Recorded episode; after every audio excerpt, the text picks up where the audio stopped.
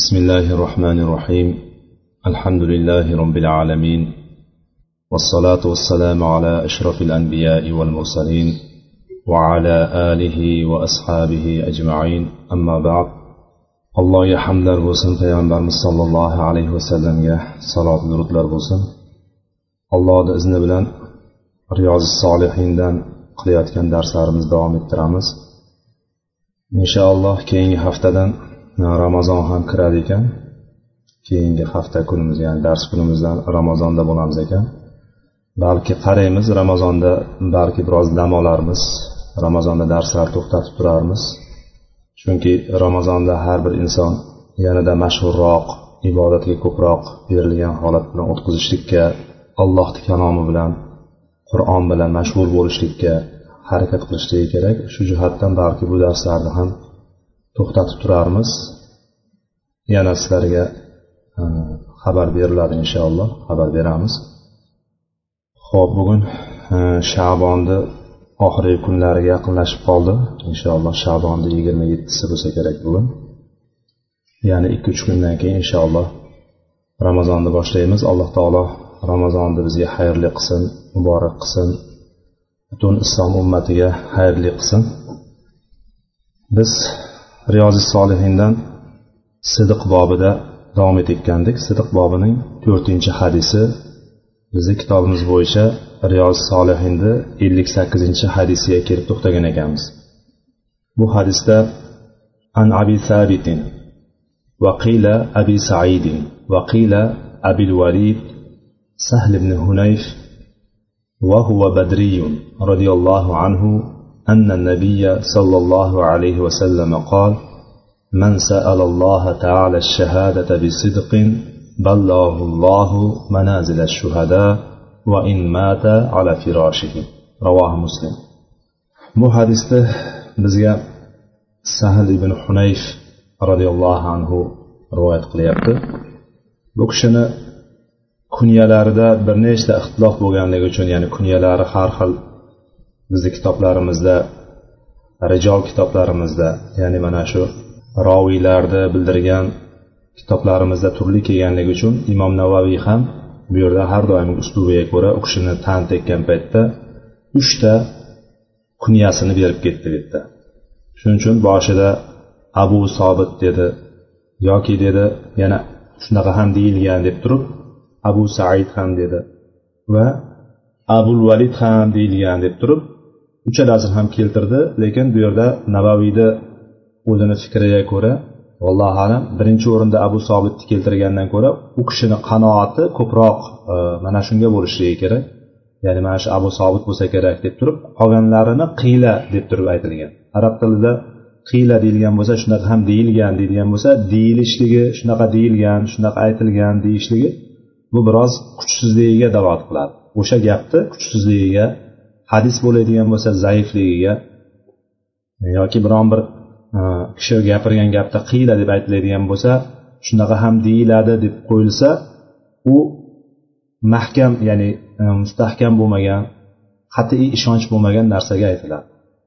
Shuning uchun bu kishi birinchi abu sobit dedida vaqila abu said vaqila abul valid deb turib ikkita yana qo'shimcha boshqa kunyalarni ham aytildi. Shunaqa ham deyilgan bunaqa ham deyilgan deb turib lekin u kishini qanoati qaysinga bo'lyapti ekan? Abu sobitga. Biz e, roviylar bilan tanishishni xosatan mana shu qisqacha imom navoiy rahimaulloh keltirgan edik. Biz ham o'sha narsaga ozgina bir qo'shimcha o'sha sahobiy roviysini qisqacha tanishtirib ketayotgandik. Sahl ibn hunayf bu kishi madinalik bo'lib ya'ni madinalik va e, avuz qabilasidan. Madinada bilamiz sahobalarda ikkita katta qabila bor edi. Avus bilan hazraj bor edi. Bu kishi avus qabilasidan ekan va badrga qatnashganligi uchun badriy deb aytilgan. Shuning uchun imom navoiy ham bu kishini badriy deb turib alohida zikr qilyapti. Ya'ni biz bilamiz e, g'azotlardan eng kattasi bo'lgan al badru kubro katta badr jangi deymiz. O'sha katta badr jangida qatnashganlarni alloh taolo zikr qilgan ularni maqtagan va ularni gunohlari kechirilgan ekanligi biz oyat va hadislardan yaxshi bilamiz. Va o'shalarni maqomi bo'lgan men badriyman yoki unga bunaqa gapirmagin chunki u badrga qatnashgan degan bir ularga imtiyoz bo'lgan bu narsa. Shuning uchun imom navaviy ham bu kishini bitta sifatiga keltirib ketyaptiki badriy deb turib qo'shib ketyapti. Ya'ni badrlik degani aslida lekin bu yerda badrlik degandan maqsadi badr jangiga qatnashgan degan ma'noda bu kishi u kishini bitta sifatlarini aytib ketyapti badrda ishtirok etgan deb roziyallohu anhu. Bu kishi haqiqatda bir e, jasur jangovar bir sahobalardan bittasi bo'lgan va o'sha badr jangidan boshlab turib undan keyingi barcha janglarda hamma g'azotlarda hammasida ishtirok etgan. Va uhud jangida payg'ambarimiz atrofida qolgan sanoqli kishilardan bittasi bu kishi bo'lgan. Ya'ni bilamiz uhud jangida juda ko'pchilik payg'ambar sallallohu alayhi vasallamdan orqaga chekilib ketib qoladi. Orqaga ketib qolgan paytda sarilib ketib qolgan paytda payg'ambarimiz sollallohu alayhi vasallam yonida sanoqli kishilar qoladi. O'sha sanoqli kishilardan bittasi kim ekan? Mana shu sahl ibn sahl ibn hunayf roziyallohu anhu va bu kishi payg'ambar sollallohu alayhi vasallamdan keyin ali roziyallohu anhu tarafida bo'lgan. Bilamiz sahobalar ikki taraf bo'lib qolib turib o'rtalarida fitna chiqib qolgan paytda ali roziyallohu anhu tarafida bir toifalar bo'lgan. Ya'ni ali roziyallohu anhu xalifalik davrida shom ahli bir taraf bo'lib qolgan. Shom ahli bir taraf bo'lib qolgan paytda shom ahlini boshlig'i kim bo'ladi? Moviya roziyallohu anhu bo'ladi. Moviya roziyallohu anhu tarafida bo'lganlar bor. Ali roziyallohu anhu tarafda bo'lganlar bor. Keyinchalik bu tarixni e, biroz e, shu voqealar bo'lib o'tgandan keyingi holatlarda kelib qoladigan narsa haqqa yaqinroq bo'lgani ali roziyallohu anhu bo'lgan deb turib tasbit qilishadi. O'sha narsani e, qaror qilishgan. Va ali roziyallohu anhu bu narsani o'zlari ham shu izlab topib o'sha narsani payg'ambarimiz sollallohu alayhi vasallamni hadislariga binoan shu narsa ali roziyallohu anhu o'zini haqqa yaqinroq ekanligini bilgan. Bu narsa jang bo'lib o'tib bo'lgandan keyingi holatda bo'lgan bu narsa. Qanday bo'lgan taqdirda ham o'sha narsa ular ishtihod bilan shu narsani qilishdi. O'sha paytda sahl ibn hunayf ali roziyallohu anhu tarafdorlari ichida bo'lgan. Shu tarafda bo'lib turib siffin jangida ishtirok etgan. Siffin jangida bilamiz o'sha siffin jangi katta jang bo'lgani o'sha ikkita musulmon jamoatini o'rtasida juda qattiq qonli jang bo'lgan bo'ladi. O'sha qonli jangda ishtirok etgan sahobalardan bittasi ekan va qirqta hadis rivoyat qilgan. Qirqta hadis rivoyat qilgan hijriy o'ttiz sakkizinchi yilda vafot etib vafot etadi va bu kishini janozasini ali roziyallohu anhuni o'zlari o'qiydi ekan. Alloh taolo u kishidan rozi bo'lsin. Sahl ibn hunayf roziyallohu anhu bizga rivoyat qilyaptiki rasululloh sollallohu alayhi vasallam mana shunday dedilar. Biz hozir qaysi bobdamiz? Sadoqat bobidamiz. Rostgo'ylik bobidamiz. To'g'ri gapirishlik. Sidiq deymiz arabchasiga. O'sha sidiq bilan so'raydigan bo'lsa. Kim alloh taolodan shahodatni ya'ni shahidlikni sidiq bilan so'raydigan bo'lsa. Sidiq bilan so'rashlik degani sidqi dildan o'zbek tilida ishlatamizku biz sidqi dildan degan kalimani ishlatamiz. Sidqi dildan chinakamiga ich ichidan ana mana shunaqa so'zlarni hammasini qo'yib chiqishimiz mumkin. Ana hammasini bir joyga jamlagan paytimizda arab tilidagi sidiqni balki biroz bayon qiladi biroz o'sha narsani o'zini ichiga olar sidqi dildan chin dildan chinakamiga ich ichidan alloh taolodan nima? Shahodatni so'raydigan bo'lsa alloh taolo uni shahidlik manzilatiga yetkazadi. Shahidlik darajasiga chiqaradi alloh taolo. Ballavahullohu manazila shuhada shahidlarning manzillariga yetkazadi alloh taolo agarchi va immata ala firoshihi agar to'shagida o'ladigan bo'lsa. Ya'ni hech jihod maydoniga ketib jang qilib olloh uchun jang qilib u yerda shahid bo'lishlik nasib qilmagan bo'lsa ham agar haqiqatda qalbidan alloh taolodan chin dildan sidiq bilan sadoqat bilan alloh taolodan shahodatlik so'raydigan bo'lsa alloh taolo uni agarchi to'shakda o'ladigan bo'lsa ham shahidlar manzilatiga yetkazadi degan hadis ekan. Bu hadisni imom muslim o'zini sahihlarida keltirgan. Biz shahidlikda bu yerda shahid degan kalima shuhada kalimasi shahodat kalimasini biz ozgina bir sharhlashga muhtojmiz. Ya'ni shahodat kalimasini o'sha shahada kalimasidan chiqqan o'zi shahodat shuhada hammasi bitta shu e, asl manbadan asl bir e, fe'ldan asl mastardan chiqib turib ishtiqoq qilingan ya'ni o'shandan e, boshqa boshqa fe'llar yasalgan ismlar yasalgan mana shu ismlardan bittasi shahodat ekan. Shahodatni mana biz yuqorida aytgandikki oyatda olloh ne'mat bergan kishilar to'rt toifadir. O'sha to'rtalasi olloh ne'mat berganligini aytib o'tgan o'shalarni ichida biz sidiqni payg'ambarlardan keyin keladigan sodiqlarni payg'ambarlardan keyin keladigan undan keyin shahidlar keladigan deb turib bir bir zikr qilgandik o'sha oyatda فأولئك مع الذين أنعم الله عليهم من النبيين والصديقين والشهداء والصالحين deb aytgandi alloh taolo shunday xabar berdi bizga kim allohga va rasuliga itoat qiladigan bo'lsa ular olloh ne'mat bergan kishilar bilan birga alloh ne'mat bergan kishilar kim payg'ambarlar siddiqlar shahidlar va solihlardan bo'lgan olloh ne'mat bergan kishilar bilan birga bo'ladi deb turib alloh taolo bizga xabar bergandi mana shu yerdagi shuhada kalimasi keldi mana shu shuhada kalimasi haqida olimlarni ko'pchiligi ibn usaymin rahimaulloh aytadiki وقد ذهب كثير من الناس في تفسير قوله والشهداء إلى أنهم العلماء deb turib tafsil bergan ekan. Mana shunda shuhada. Ya'ni ko'pchilik olimlar olimlardan ko'pchiligi aksariyati mana shu o'rindagi shahidlardan murod shuhadolardan murod ulamolar deb aytishgan ekan.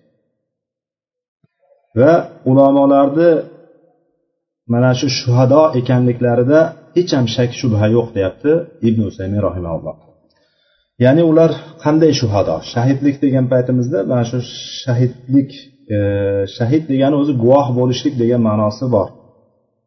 Shohidman desa bir kishi guvohman shu narsaga degan. Mana bu o'rinda shuhado degani ular guvoh bo'luvchilardir degan ma'nosi bor.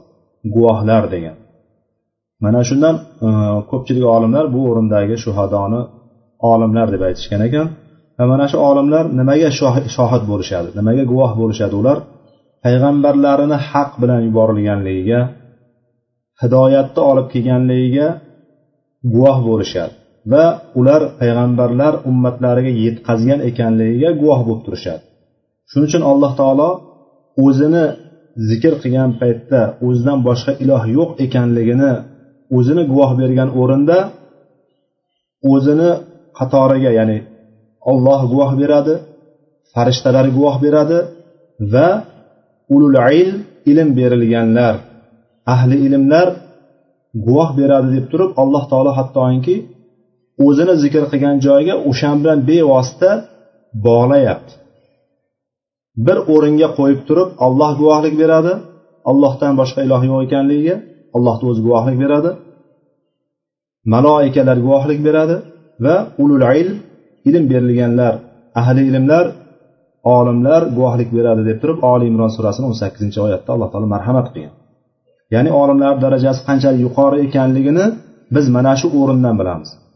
Allohning hukmlariga bu halolmi bu harommi bu narsa vojibmi bu narsa farzmi bu narsa harommi bu narsa makruhmi yoki mustahabmi bu narsalarni kim biladi? Olimlar biladi va o'sha hukmlarni ustida olimlar guvoh beradi. Boshqa insonlarni bir narsani bu to'g'ri bu narsa noto'g'ri deb turib dinda gapirishlikka ehtiyot bo'lishlik kerak. Bu narsa mumkin emas bu narsa mumkin. Bu narsani qilsang yaxshi bo'ladi bu narsani qilsang afzal bo'ladi bu narsani qilsang savob bo'ladi bu narsani qilsang gunoh bo'ladi degan gaplarni nima qilish kerak? Bilmasdan turib gapirmaslik kerak. Bilgan holatda gapirishlik kerak. Bilgan holatda gapirishlikka biz buyurilganmiz chunki agar biz bilmagan holatda bir narsani gapirib qo'yadigan bo'lsak u bilan billah banda bir kalimani o'zi hech ham xayoliga keltirmagan uni nima ekanligini qayerga olib borishligini bilmagan holatda bitta kalimani gapirib qo'yadida do'zaxni qa'riga mag'rib bilan mashriq qancha uzoq bo'ladigan bo'lsa do'zax qa'riga shuncha do'zaxni ostiga tubiga shunchalik chuqurlikka kirib ketib qoladi deb turib hadisda keladi. Ya'ni biz din borasida gapirar ekanmiz bir narsa savob bo'ladi bu narsani qilsang yaxshi bo'ladi bu narsani qilmaganing yaxshi sen noto'g'ri qilyapsan deb turib bir din haqida gapirayotgan bo'lsak ehtiyot bo'lishligimiz kerak. Bilish bilsak o'sha narsani aniq dalili bilan biladigan bo'lsak yoki aniq bir hujjatlar bilan eshitgan bo'lsak ana o'shani gapirishligimiz mumkin bo'lmasam nima? Man sakata salima deydi arablar. Kim sukut qiladigan bo'lsa kim jim turadigan bo'lsa o'sha salomat qoladi. Nimadan salomat qoladi? Gunohdan salomat qoladi. Bilmagan holatda bitta kalimani gapirib qo'yib do'zaxni ostiga kirib ketishlikdan nima bo'ladi? O'zini saqlagan bo'ladi. Alloh saqlasin. Shahidlik shuhadoni yana bitta ma'nosi. Shahidliklar kim? Biz bilamizki taun ya'ni boyagi e, o'lat bilan vabo bilan o'lganlar shahid bo'ladi. Ularni biz hadislardan bilamiz. Biz hozir qisqacha aytib ketamiz. Qorin og'rig'i bilan o'lgan kishi shahid bo'ladi. Ya'ni o'sha paytlarda davolash uslublari hozirgi kundagida appenditsit yoki ko'richaklar davolashga o'xshab turib ya'ni operatsiya qilib davolaydigan e, jarrohlik usulidan bilan davolaydigan yo'llar bo'lmaganligi uchun o'sha davrlarda nima bo'lgan? Ko'rchak yorilib ketgan odam o'lgan. Appendits yorilib ketgan odam peritonit bo'lib turib qorniga butun o'zi tarqalib ketibdi infeksiya o'lgan ular. E, yoki boyagi aytayotgan pnevmoniyaga o'xshagan o'pka kasalliklari bo'lib qoladigan bo'lsa zatil jam deydi arabchasiga. O'pkada masalan pnevmoniya kuchli pnevmoniya bo'ladigan bo'lsa inson o'limga olib boradi. U mana bu narsa kasalliklar davolashni imkoni bo'lmaydigan ya'ni o'sha davolanmay qolib turib kasal bo'lib turib o'sha kasallik sababidan o'ladigan bo'lsa bu shahid bo'ladi. Ho'p undan keyin bittasi yonib ketadigan bo'lsa yoki bittasi cho'kib ketadigan bo'lsa yoki bir narsa bosib qoladigan bo'lsa hattoki to'lg'oq paytida jon beradigan bo'lsa nima bo'ladi? Shahid bo'ladi. Biz bu narsalarni hadislardan bilamiz. Lekin bular hukman shahid deyiladi. Ya'ni haqiqiy shahid emas hukman shahid. Shahidni savobini oladi deydi lekin shahidlar bilan teng bo'la olmaydi. Ho'p undan keyingisi oladiganimiz ollohni yo'lida o'ldirilgan kishi. Ollohni yo'lida o'ldirilgan kishi shahid hisoblanadi. Undan keyin bir kishi o'zini molini ahlini obro'sini dinini himoya qilgan holatda o'zini moli bor ahli bor obro'si bor o'sha narsani himoya qilaman deb turib o'ldiriladigan bo'lsa u ham shahid hisoblanadi. Bunga hadisda bilamiz bir kishi keladi payg'ambar sallallohu alayhi vasallam yoniga yo rasululloh shunaqa bo'lsa qanaqa bo'ladi deb turib so'raganda bir kishi kelib turib meni bir molim tortib olaman deydigan bo'lsa zo'rlik bilan zo'ravonlik qilib meni molimni tortib olaman deydigan bo'lsa nima qilaman? desa uni bermaysan deydi payg'ambarimiz. Unga berib qo'ymaysanmi? deb turib chunki mol seniki berib qo'yishing to'g'ri bo'lmaydi berib qo'ymaysan. Agar u men bilan jang qilsachi men bilan urushsachi ya'ni shu meni olaman deb turib jon jahd bilan menga qarshi e, urushsachi desa endi bilamiz u kunlarda qilich bo'lgan odamlarda. Kelib turib bittasi bir narsani tortib olayotgan bo'lsa unda ham qilich bor bunda ham qilich bor. Birpasda birinchi gap bilan bitmagan ish qo'lga o'tgan qo'l bilan bitmagan ish qurolga o'tgan. Ya'ni bir qilichini chiqarib turib urushadi. Mana shu narsani mana shu haqida gapiryapti masalan qanday o'ldirib qo'yish mumkin? Degan narsa hozirgi mushtlashadigan bo'lsa bir kishini o'ldirib qo'yishligi mahol narsa ya'ni birdan o'ldirib qo'ya olmaydi mushtlashgan paytda. Qo'lda bir qurol bo'ladiki bir o'qotormi teshuvchi qurolmi kesuvchi qurolmi qanaqa qurol bo'ladigan bo'lsa xullas kalom o'sha qo'lida qurol bo'lsa o'ldirishligi mumkin. Bu yerda ularda aksariyat paytlarda ular jangovar holatda yurganligi uchun ya'ni yonida doim e, bitta narsani ko'tarib yurgani uchun hech bo'lmasam pichoq hanjar qilich bir narsa ko'tarib yurganligi uchun o'sha haqda gap ketyapti.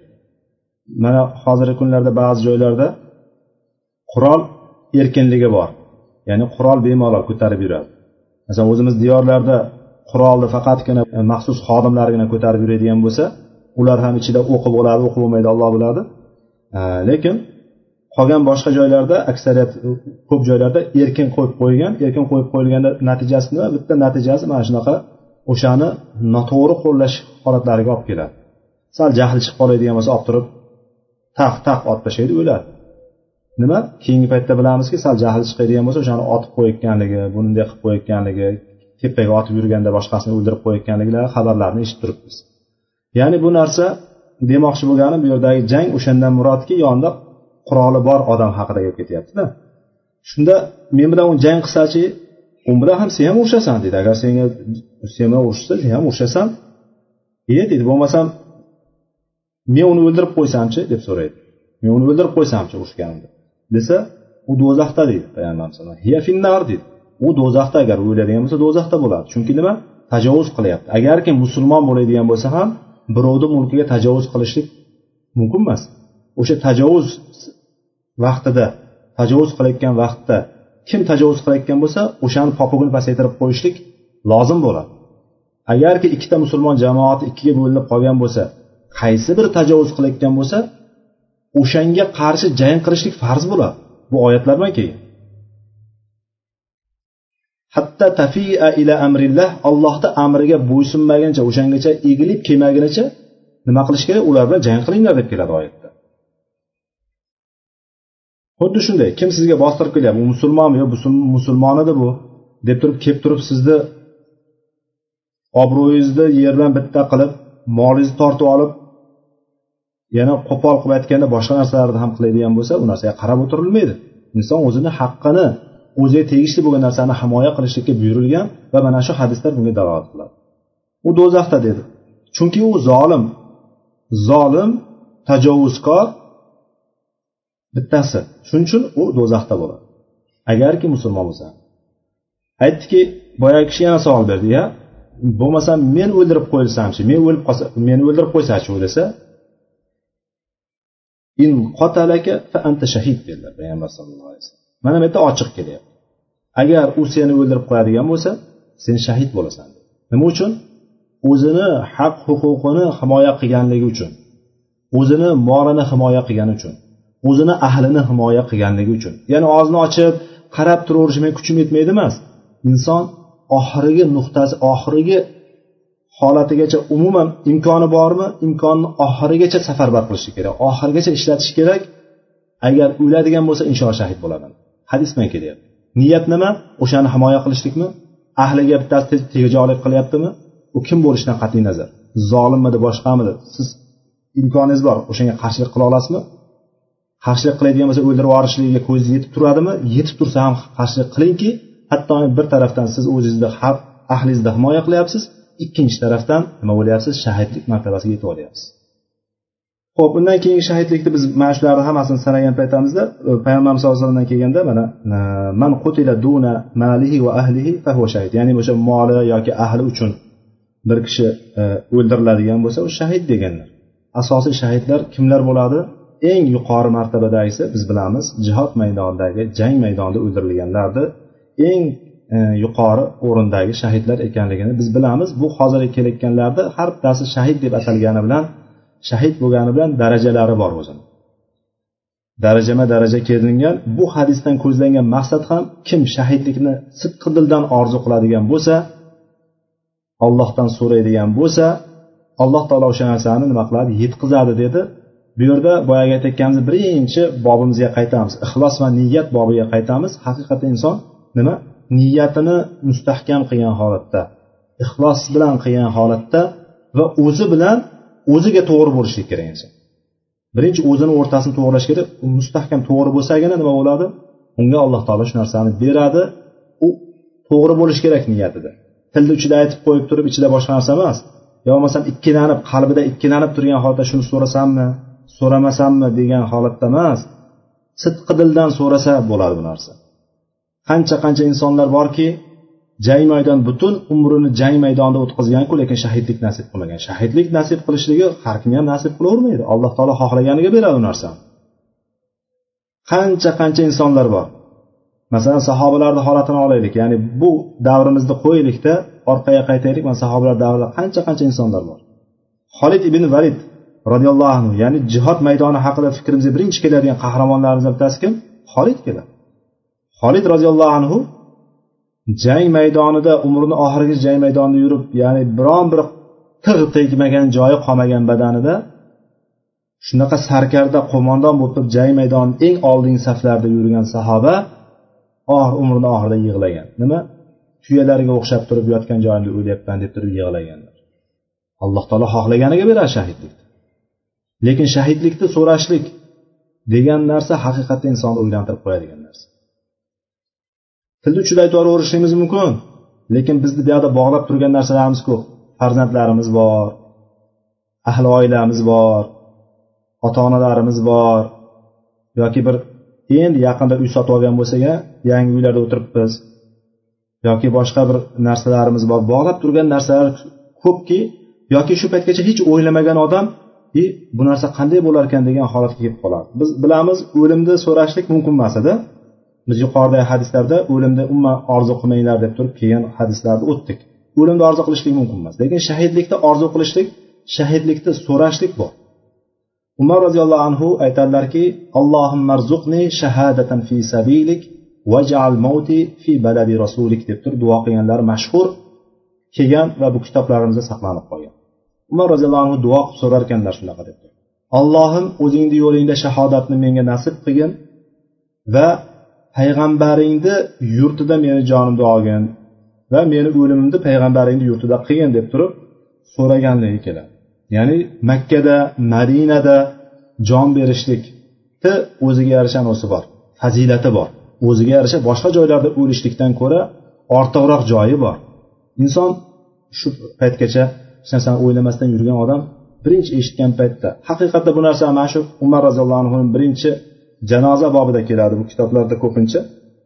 O'lim haqida so'rashlik o'limni holatlari kelgan paytda janoza fiq kitoblarida ko'pincha janoza boblarida keladi. Umar roziyallohu anhuni shu so'zni o'qigan paytda men bir necha kun o'zimga kelolmaganman nimaga? Shu ongacha biron marta ollohdan shahidlikni so'ramaganligimizdan va o'sha shahidlikni so'rasam qanday bo'ladi degan narsani hech o'ylamagandan bir necha kun o'zimga kelolmagan ya'ni bu haqiqatda insonda bir e, biz dinda yuribmizmi allohda ibodat qilyapmizmi niyatlarimiz xolismi ya'ni tilni uchida aytishlik bor. Tilni uchida hamma aytaverishligi mumkin. Boyagi aytganimizdek e, daryoni dengizni eng chekkasida turgan sohilda turgan odam xohlagancha sakraveradi dengizga ozgina bir kirib boshlagan odam to'pig'igacha kirgan odam yugura oladi u yerda ham bu yerda ham sakra oladi endi dengizga kirib boravergan sari sohildan qancha dengizni ichiga qarab kirib boravergan sari tizzagacha kirgan odam sohilda turgan odamdan ko'ra kamroq yuguradi. Beligacha kirgan odam endi buyog'iga yugurish yoqda tursin zo'rg'a yuradi. U bo'ynigacha kirib qolgan qulog'igacha kirib qolganlar qanday yerda qimirlolmay joyida turadi shu nafas yetib tursa bo'ldi deb turib. Ya'ni inson mana shunday holatda bo'ladi. Dinda olgan ilmi uni bosib qo'yadi. Bosib qo'yadi degani har joyda sakravermaydi har joyda yuguravermaydi har joyda fitna qilavermaydi har joyda ixtilof chiqaravermaydi har joyda hammaga tosh otavermaydi. Bu o'rtada insonlarni o'rtasida chiqadigan ixtiloflarni aksariyati ilmsizlikdan kelib chiqadi. Mana shu ilmsizlik deganimiz to'rtta narsani bilib olib turib hammaga tosh otishlikdan bo'ladi. Lekin inson ibodatda qancha mustahkam bo'ladigan bo'lsa inson shunchalik darajada bosib qo'yadi u narsa. Inson o'zini niyatda qancha xolis bo'lishlikka harakat qilaversa bilamiz niyatdagi xolislik eng og'ir ishlardan bittasi. Qancha harakat qilaveradigan bo'lsa shuncha bir narsaga erishib boraveradi inson. Biz birinchi o'zimiz bilan to'g'ri bo'laylik deb turib oldingi darslarda ham ko'p gapirdik. Haqiqatda birinchi o'zimiz bilan to'g'ri bo'laylik. Bu narsa sizlardan ko'ra birinchi o'zimga tegishli. Ya'ni birinchi o'zimiz bilan to'g'ri bo'laylik. Biz to'g'ri bo'lishlikka harakat qilaveraylik. Alloh taolo bizni siddiqlar safiga yozib qo'ysin. To'g'ri bo'lishlikka harakat qilaveraylik deganimiz allohga berayotgan qancha va'dalarimiz bor. Agar shunaqa bo'lsa bunaqa qilaman bunaqa bo'lsa bunaqa qilaman degan yoki shunday bo'lib ketsa bunaqa qilaman degan ichimizda gapirmagan bo'lsak ham o'zimizni oldimizga qo'ygan rejalarimiz to'lib toshib yotibdi. Men bu kitobni o'qiyman unaqa qilaman bu narsani o'qiyman u narsani qilaman yoki bo'lmasa bunaqa qilaman degan narsalarimiz to'lib toshib yotibdi lekin qani? Qanchasiga amal qilyapmiz demak biz o'zimiz bilan durust bo'lmayapmiz. Biz o'zimiz bilan to'g'ri sidiq bilan muomala qilmayapmiz. Yoki kallamizga aqlimizga kelgan birinchi narsani o'ylayapmizda o'sha narsani aytib qo'yyapmiz aytgan narsamiz bilan qotyapti o'sha narsa. Biz himmatimizni oliy qilaylik himmatimizni keyin katta qilishimiz kerak. Himmatimizni oliy qilsak keyin o'shanga yarasha bo'ladi. Birinchi niyatni qilamizda tor o'ylab turib o'ylamasdan turib niyatni tor qilib qo'yamizda ertaga boshimizga kelganda afsuslanib o'tiramiz. Unga bir eslatib qo'yish kerak ey niyating o'zi shunday ediku endi nimani niyat qilyapsan yana boshqa? Menga xomi ham bo'laveradi. Aytda xom bo'lgan e, mevani xomi ham bo'laveradi. O'sha xomini yesam ham yetadi menga qorin to'yadi deb turgan odam ertaga xom meva kelgan paytda nimaga men xom yeyapman deb o'tiradi. Pishgani bor ediku naryoqda degan narsa bor. Ya'ni biz birinchi o'zimizdan to'g'ri bo'laylik biz to'g'ri bo'ladigan bo'lsak o'sha to'g'riligimizga yarasha alloh taolo bizga muomala qiladi. Alloh taolo men bandamni gumonidaman deydi. Bandam meni qanday gumon qilsa qanday o'ylasa men o'shandayman deydi. Ya'ni banda nimani o'ylasa alloh taolo shu narsani beradi ekan deb turib nimani o'ylaydigan bo'lsa alloh taolo shu narsani beradi. Faqat biz himmatimizni oliy qilishligimiz kerak. Oldimizga qo'ygan maqsadlarimizni kattaroq qo'yishligimiz kerak.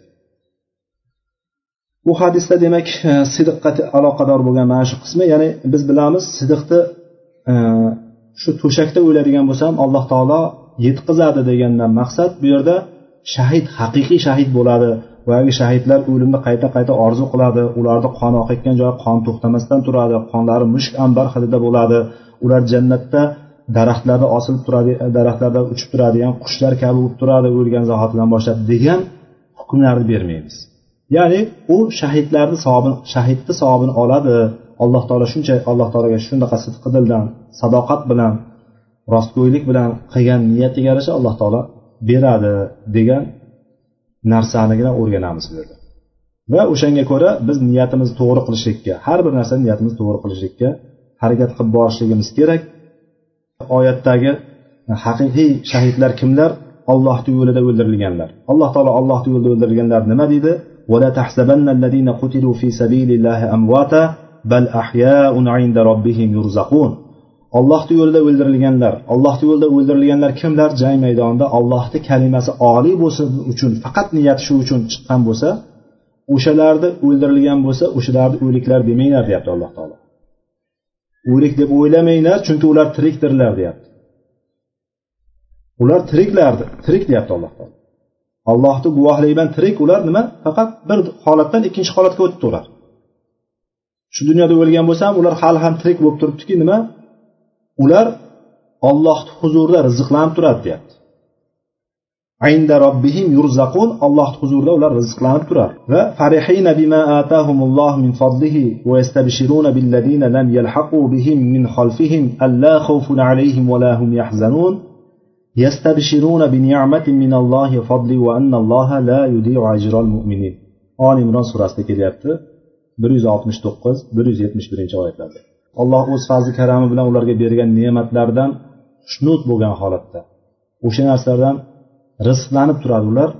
Olloh bergan narsalardan ne'matlardan va orqasida hali ularga yetib kelmagan birodarlariga qarab turib ularga gapiradi lekin biz eshitmaymiz u narsani hech qanaqa xavf xatar yo'q ekan. Yo bu o'lim degani katta narsa emas ekan. Boyagi aytayotgandek o'limdan muncha qo'rqmasalaring. Xuddi ollohdan qo'rqqanday oyatlarda keladi o'limdan ollohdan qo'rqqanday qo'rqib turadi. Xuddi siz ularni o'limga haydab borayotgan xuddi qo'ylarni qushxonalariga haydab boradiyu so'yishlik uchun. Haydab borayotganda holatlari qanaqa bo'ladi? Xuddi ko'zlari mo'larib o'layotganga o'xshab turib ko'rinishligi. Insonlar ham xuddi shunga o'xshab turib haydab o'limga haydab borayotganga o'xshaysizlar uni deydi. Lekin ular bular aytyapti hech qanday xavf xatar yo'q. G'amgin ham bo'lmaysizlar deb turib nima? Xushxabar berib turar ekan. Kimlar bular? Olloh yo'lida o'ldirilganlar olloh yo'lida shahid bo'lganlar. Yuqoridagi hadislarda ham kelgan niyat bobida ham payg'ambar sallallohu alayhi vasallamni yoniga kelib turib bir kishi bittasi shijoatli bo'lgani uchun o'ldirilsa allohni yo'lida o'lgan bo'ladimi? Allohni yo'lida bo'ladimi o'sha? Yoki bir hamiyasi uchun ya'ni qavmiyati uchun millati uchun jang qilgan bo'lsa bittasi yoki vatani uchun kimdir? Yoki o'zini ko'rsatib qo'yishlik uchun kimligini bir ko'rsatib qo'yishlik uchun bir jang qilgan bo'lsa nima bo'ladi deb so'ragan paytda o'sha ollohni yo'lidami degan paytda payg'ambar sallallohu alayhi vasallam deganlar? Man كلمة takuna kalimatullohi العليا فهو في fi sabilillah degan ya'ni kimda kim ollohni kalimasinigina oliy bo'lishligi uchun jang qiladigan bo'lsa ana o'shagina shahid.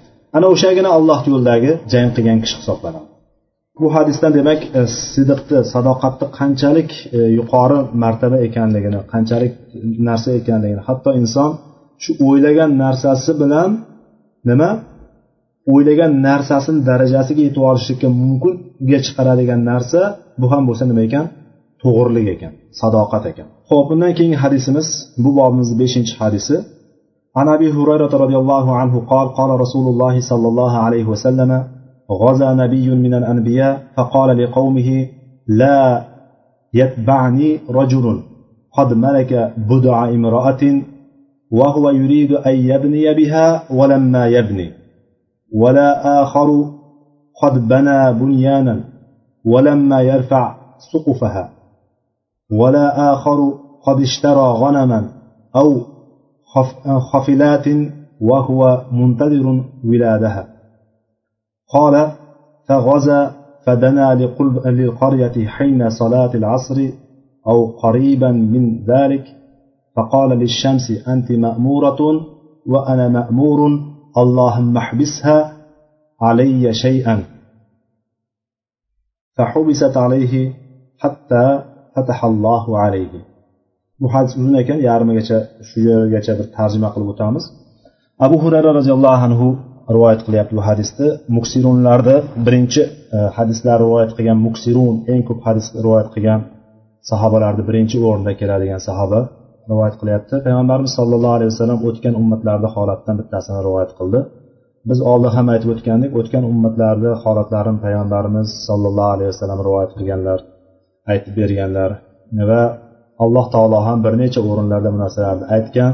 Bu narsadan biz ibrat olishligimiz uchun bu narsalardan hissadan hissa chiqarishligimiz uchun bizga mana shu narsalar zikr qilingan. Va payg'ambar sallallohu alayhi vasallam bularni qayerdan bilardi? Bu narsalarni u kishi o'z o'zidan to'qimaganlar bu narsalarni bir kishidan borib o'rganib olmaganlar yoki bir kishidan eshitgan narsasini naql qilmaganlar. Payg'ambar sallallohu alayhi vasallamga bu narsalar o'tgan ummatlar haqidagi ma'lumotlar qayerdan kelardi? Vahiy orqali kelardi. Vahiy faqatgina bilamiz biz qur'onni olib kelmaganligini ya'ni qur'ondan tashqari payg'ambar sollallohu alayhi vasallamga mana shunga o'xshagan narsalarni ham olib kelganligini biz hadislardan va kitoblarimizdan bilamiz. Rasululloh sollallohu alayhi vasallam aytdilarki payg'ambarlardan bittasi payg'ambarlardan bitta payg'ambar g'azotga chiqishni xohladi deyapti g'azot qilmoqchi bo'ldi. G'oza ya'ni g'azot qildi. Biz bilamiz g'azot bilan sariyani o'rtasidagi farqni bilardik g'azot degani payg'ambarni o'zini ishtirok etgan jangni g'azot deydi. G'azotga chiqmoqchi bo'ldida va qavmiga dedi chiqishidan oldin ya'ni g'azot qildi deb aytgan kalimani biz bu yoqqa qaytaryapmiz. Payg'ambarlardan bittasi degandan qozi iyozni rahimaullohni aytgan gaplariga ko'ra bu payg'ambarni yusha ibn nun alayhissalom bo'lganligini aytishadi ekan va fath qiladigan shaharni falastin bo'lganligi falastinda bir shahar shaharchasi bo'lganligi aytiladi ekan. Ala kulli hal hadisda bu yerda payg'ambarlardan bittasi deb ketyapti. Bu yerda aniq zikr qilinmadi. Lekin shu e, qozi iyoz roziyallohu anhuni bir fikrlari bor ekan. O'sha yerda yusha ibn nun bo'lganligini aytib o'tgan ekanlar. Va o'sha payg'ambardan bittasi g'azot qilmoqchi bo'lgan paytda qavmiga qarab turib aytdilarki menga ergashmasin. Ya'ni men bizdan kelmasin bizga ergashib kelmasin menga. Shunday kishiki u kishi nima? Uylanganu bir ayolga uylanganda hali u um bilan qo'shilmagan. Deyapti. Endi biz qisqaroq qilib o'qilyapti tarjima qilyapmiz. Ya'ni u bilan uylanganu hali e, chimildiqqa kirmagan. E, chimildiqqa kirishni xohlab turibdiyu lekin hali chimildiqqa kirmagan degan. Yana bitta yana boshqasi borki bir uy qurganda tomini yopmagan hali. Uy qurib qo'ygan tomini yopmagan yana boshqasi borki qo'y sotib olgan qo'ylari sotib olgan yoki e, homilador tuyalar sotib olgan va o'shalarni bolalashini kutib turibdi. Shunday kishilar menga ergashmasin ya'ni bizga jihodga bizdan bilan barobar ketmasin deb turib aytdi.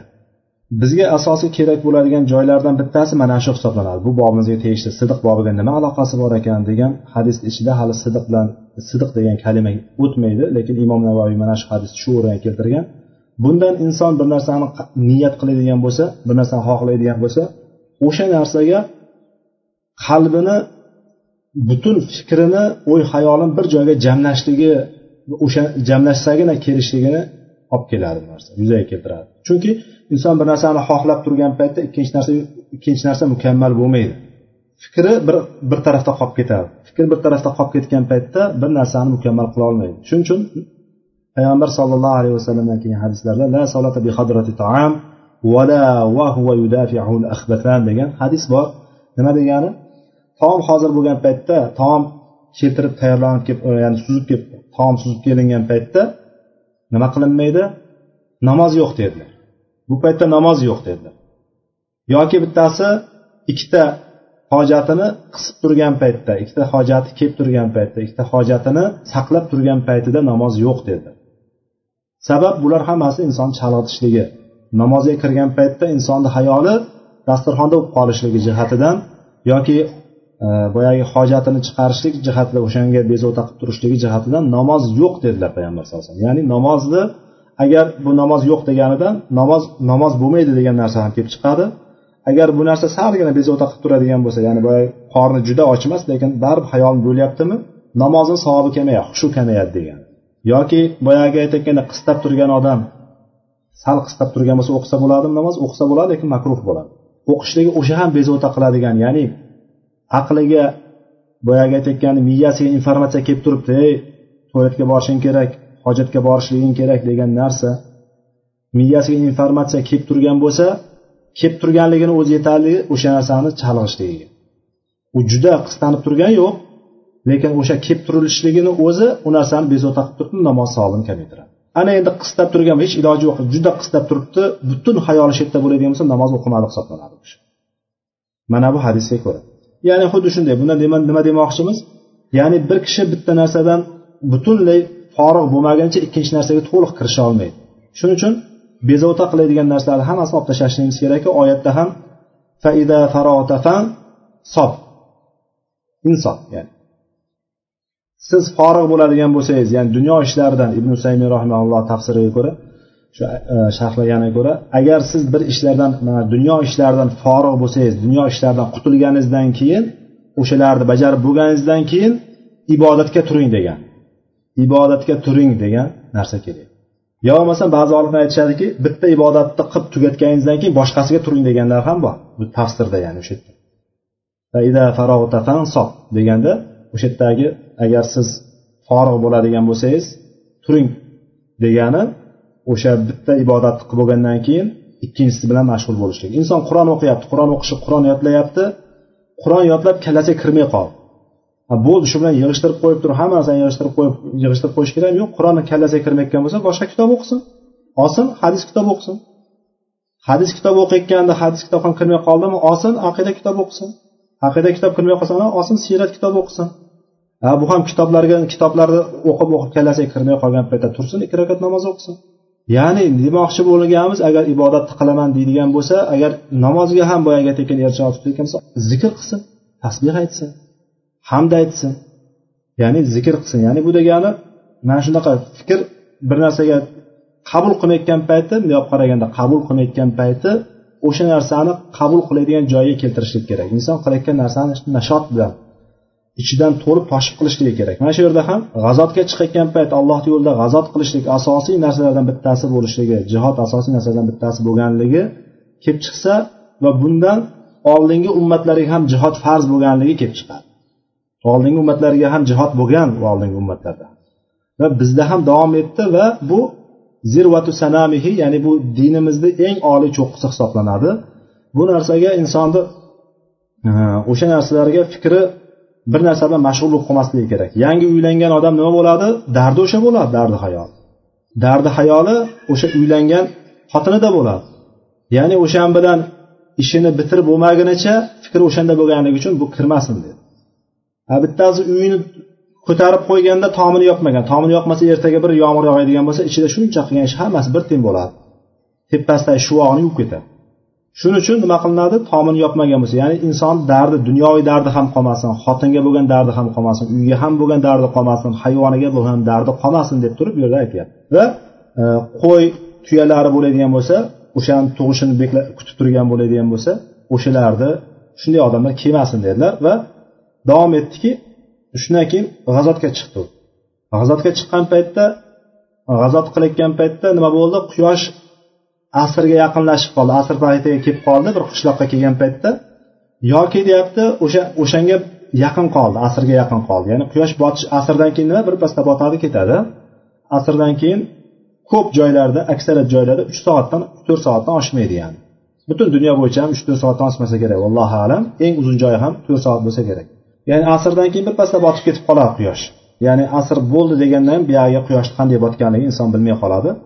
Mana shu holatda bu dediki quyoshga qarab turib aytdiki anti ma'muratun va ana ma'murun dedi. Sen ham buyurilgansan men ham buyurilganman dedi.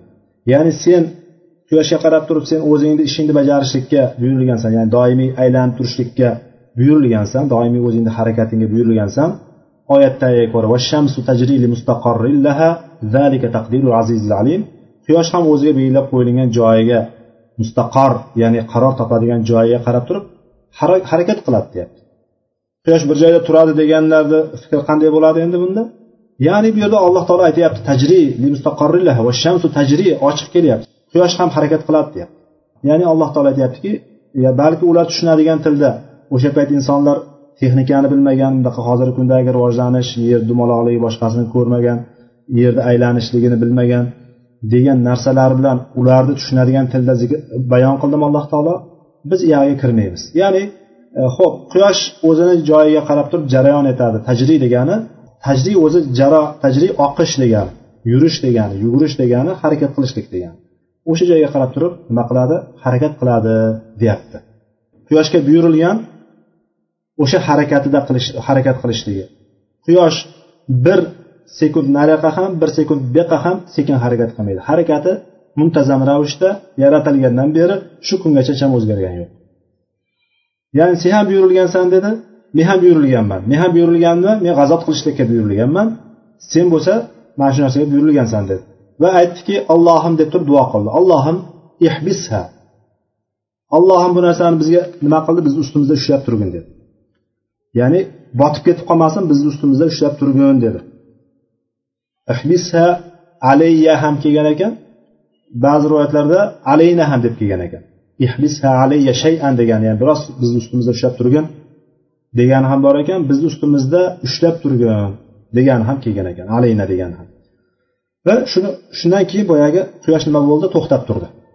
Va u kishi boyagi joyni fath qilib oldi. Fath qilib olgandan keyin g'animatlarni hammasini to'pladi bir joyga. G'animatlar to'plagandan keyin oldingi ummatlarda shunaqa ediki bir g'animatlarni ya'ni o'ljalarni hammasini to'plab turib bir joyga katta bir keng maydonga bir to'plardi ochiqlikka va osmondan olov tushardi olov tushib kelib turib bularni hammasini yoqib yuborardi. Ya'ni hech kim hech qanaqa manfaat ko'rmasdi bundan. Manfaat ko'rishligi mumkin emas edi va bu nima? Xolis bo'lishligi qalbida g'animatga bo'lgan biron bir intilish bo'lmasligini alloh taolo oldingi ummatlarga shunday qilib qo'ygandi. Bundan yana bitta chiqaradigan narsamiz vallohu alam deb aytamiz. Oldingi ummatlarga ko'ra bu ummatlarga halol g'animatlarni o'ljalar halol qilib qo'yishligi oldingi ummatlarga ko'ra bu ummatni ixlosini baland ekanligiga ham ishora bo'lsa kerak alloh alam. Chunki oldingi ummatlarga umuman ruxsat berilmagan. Chunki dunyoga kirib ketib qolishlari sababidan. Va o't tushdida boyagi o't anavi yemadi. Ya'ni boyagi keldida anavi yemadi. Ya'ni yoqib yubormadi boyagini g'animatlar o'ljalarni olov yoqmadi. Yoqmagandan keyin boyagi payg'ambar aytdiki sizlarni ishlaringda bitta xiyonat bor dedi. Sizlarni ishlaringda xiyonat bor dedi. Har bir qabiladan bir kishi kelsinda ya'ni bu ko'proq qabila deganda qabilani boshliqlari qabila boshliqlari kelsinda menga bayat bersin dedi. Ya'ni bayatni bilamiz qo'l berib turib e, ya'ni shu musofaha deymiz arab tilida. Shu qo'l berishlik. Qo'l berib bayat beradi. Hammasi bergan paytda bittasini qo'li yopishib qoldi. O'sha qabila boshliqlaridan bittasini qo'li yopishib qoldi. Aytdiki sizlarni ishlaringda bor. Sizlarni ishlaringda xiyonat sizlarni ishlaringda ekan dedi. Qani qabilangni hammasini chaqir ular menga hammasiga bayat qilsin dedi. Bayat qilgan paytda ikki kishini yoki uch kishini qo'ri yopishib qoldi va aytdiki xiyonat mana sizlarda ekan dedi. Payg'ambar aytdi. Va shundan keyin boyagilar sigirni kallasiday kattalikdagi bir oltinni olib kelishdi. Qarang shuncha narsani o'g'irlab qolishgan ekan. Shuni narsani olib kelgandan keyin Э, bu narsani boyagi э, o'ljalarni ichiga g'animatlar ichiga qo'shib qo'ygandi. Boyagini hammasini yoqib yubordi boyagi yonib ketdi keyin. Ya'ni bironta xiyonat bo'lgan yoki bir narsa bo'ladigan bo'lsa o'sha narsa yoki e, jihod haqiqiy jihod bo'lmaydigan bo'lsa o'sha o'ljalar yonmasdi. Mana shu belgisi bo'lardi o'sha narsani olloh uchun qilinmaganligiga keyinchalik e, bu narsa hammasi yonib ketdi. Yonib ketgandan keyin nima bo'ldi? E, aytdilarki payg'ambar sallallohu alayhi vasallam bizdan oldingi biron kishiga g'animatlar o'ljalar birontasiga nima bo'lgandi halol bo'lmagandi so'ngra alloh taolo bizga bu o'ljalarni halol qildi. Dedilar. Muttafaqun alayhi hadis ekan. So'ngra e, alloh taolo bizdagi zaiflikni kuchsizlikni va ojizlikni ko'rgandan keyin alloh taolo bizga nima dedi? Halol qildi dedi. Bu ummatga halol qilingan narsalardan bittasi mana shu o'ljalar bo'ladi. Mana shu o'ljalarni bizga halol qilindi. Bu hadisdan oladigan foydamiz mana shu yuqorida aytganimiz sadoqat bo'lishligi uchun inson bir narsaga fikrini xayolini jamlashligi uchun albatta boshqa narsadan forig' bo'lishligi kerakligi va bu yerda bir aldov bor bu yerda xiyonat bor g'ulul deb keldi. Kim bir narsani o'g'irlaydigan bo'lsa ya'ni xiyonat qilib bo'linishdan taqsimotdan oldin oladigan bo'lsa albatta ertaga qiyomat kuni o'sha narsasidan keladi degan oyatdan bu narsa harom ekanligi g'animatlar o'ljalar taqsim qilinishligini oldin olishlik mumkin emasligiga kelib chiqadi. Va mana shundan e, g'animatlarni faqat shu ummatga berilgan xos narsalardan o'titu hamsan deb turib payg'ambar sallallohu alayhi vasallamdan kelgan hadis beshta narsa menga berildi degandan bittasi mana shu o'ljalar ham halol qilindi menga deb turib payg'ambar sallallohu alayhi vasallam marhamat qilganlar. Va bu aksi bu yerdan oladiganimiz e, xiyonat qildi xiyonatni aksi nima bo'ladi xiyonatni asli aksi omonatdorlik rostgo'ylik bo'ladi alloh taolo bizni rostgo'ylardan qilsin oltinchi hadisimiz an abi xolid hakim ibn hizam رضي الله عنه قال قال رسول الله صلى الله عليه وسلم البيعان بالخيار ما لم يتفرقا فإن صدقا وبينا بورك لهما في بيعهما وإن كتما وكذبا محقت بركة بيعهما متفق عليه buni hakim ibn hizam roziyallohu anhu rivoyat qilyapti.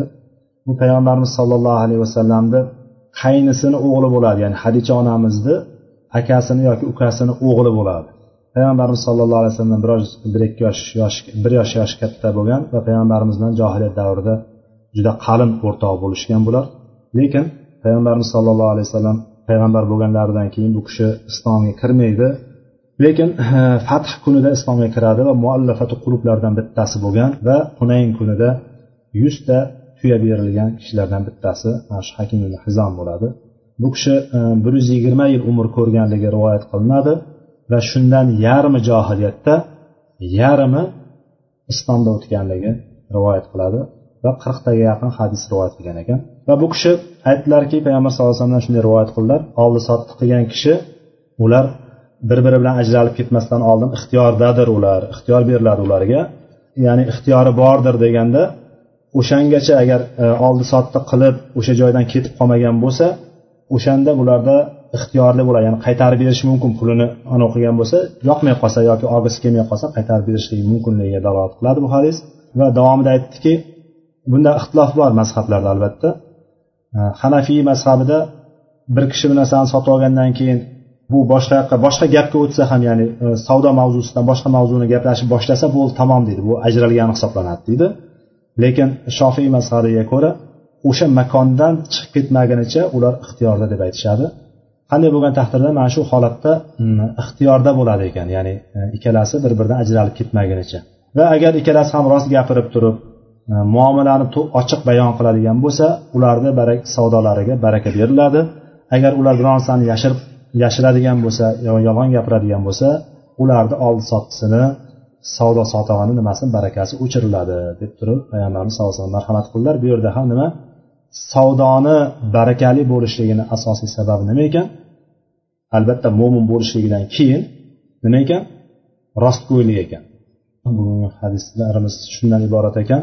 Keyingi haftadan inshaalloh e, keyingi darsimizdan muroqaba bobiga o'tamiz inshaalloh.